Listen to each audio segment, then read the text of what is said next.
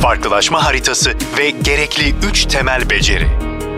Farklılaşma öylesine önemli ve değerli ki hem rekabet avantajının temel kaynağı hem de stratejinin özü. Kazanmak için değerli bir iş yapmanız artık yetmiyor. O işi rakiplerinizden farklı yapıyor olmanız şart. Bu farklılık sürdürülebilir varlığınızın da teminatı çünkü avantajınızın büyüklüğü farklılığınızın büyüklüğü kadar oluyor. Farklılığın yarattığı avantajı en iyi anlatan örnek 170 pazarda yıllık 150 milyardan fazla paket satan Tetra Pak'tan geliyor. Kutuların şekli ve kullanılan malzemenin kolay taşınabilir olması eşitleri arasından büyük bir fark yaratıyor. Bir de buna Tetra Pak ambalajlarının işletmelere %12 tasarruf sağladığını eklersek neden rakipsiz olduğunu da ortaya koymuş oluruz. Peki farkımızı, farklılığımızı nasıl bulacağız? Farklılık şirketlerin en güçlü olduğu alanda rakiplerinden çok daha iyi yaptığı yerlerden gelir. Stratejisi farklılık üzerine kurgulanmış bir şirketin bunu en yalın haliyle şirketteki herkesin anlayacağı şekilde kelimelere dökmesi de gerekir. Çünkü sahadaki ön cephe elemanlarından en üst makama kadar tüm kademelerin şirketin farklılığını aynı biçimde anlıyor olması en önemli konulardan biri. Baştan konulan farklılık manifestosu süreçte ya sayısal anlamda büyüdükçe ya da hedef başarılıp yeni hedefler ortaya konduğunda bulanıklaşıyor. Sonuç farklılığınız kaybolduğu için değil, hakkıyla sahip çıkan olmadığı için avantaj olmaktan çıkıyor. Farklılık manifestosuna şimdiye değin sadık kalarak başarılarını sürdüren birkaç örnek verelim. Nike sosyal bir marka olmayı sürdürüyor. Ünlü sporcularla yaptığı anlaşmalar ve kişiye özel performans odaklı tasarımlarıyla farklılığını koruyor. Singapore Airways'in uzun mesafeli uçuşlarda business class yolcularına uygun fiyatta muhteşem deneyim sunması farklılığıdır. Apple'ın kendisini biricik yapanın her anlamda kolay kullanımı olduğunu kullanıcıları bilir. Araştırmalar, stratejisinin özüne farklılaşmayı koyup da bunu en iyi yöneten kurumların performansının rakiplerinden 4 kat daha fazla olduğunu söylüyor. Her şey gibi farklılıklar da zamanla erozyona uğrar. Bu aşamada günün gereklerine göre öze sadık kalarak farklılıkları güçlendirmek ve trendlere göre yeniden yapılanmak gerekiyor. Farklılaşma için 250 beceri. 8000 küresel şirketin 25 yıl boyunca performansını izleyen Bain Company'nin danışmanları Chris Zook ve James Allen, eş zamanlı yapılan bir başka araştırmayı da ilk araştırmanın sağlamasını yapacak şekilde incelemişler. 400 küresel yönetici ve aralarında 50 CEO'nun görüşünün yer aldığı Economist Intelligence Units'in verileri incelendiğinde ortaya farklılaşmayı sağlayacak 250 beceri çıkmış.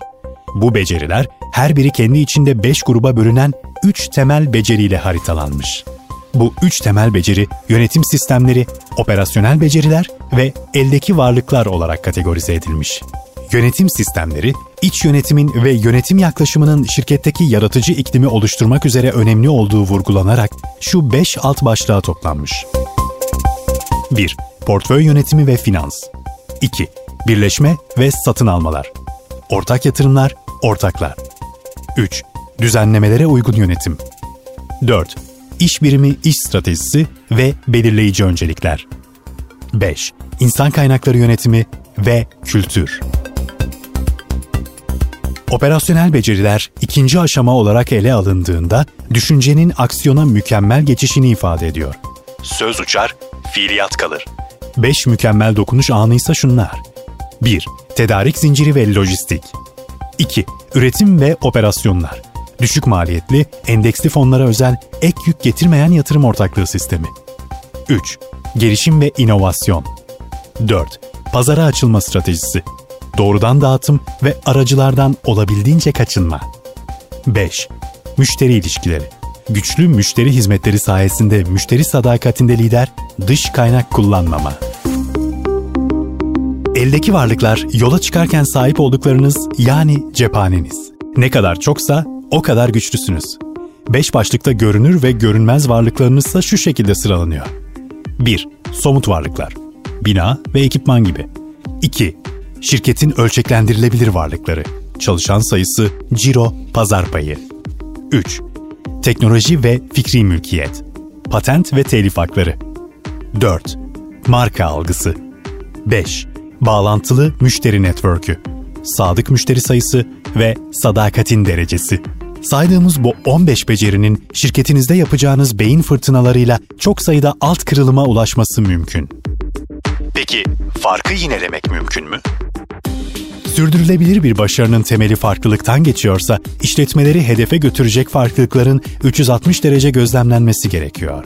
Ama önce şu sayacağımız 6 akıl açıcı aksiyonla başlayın. 1.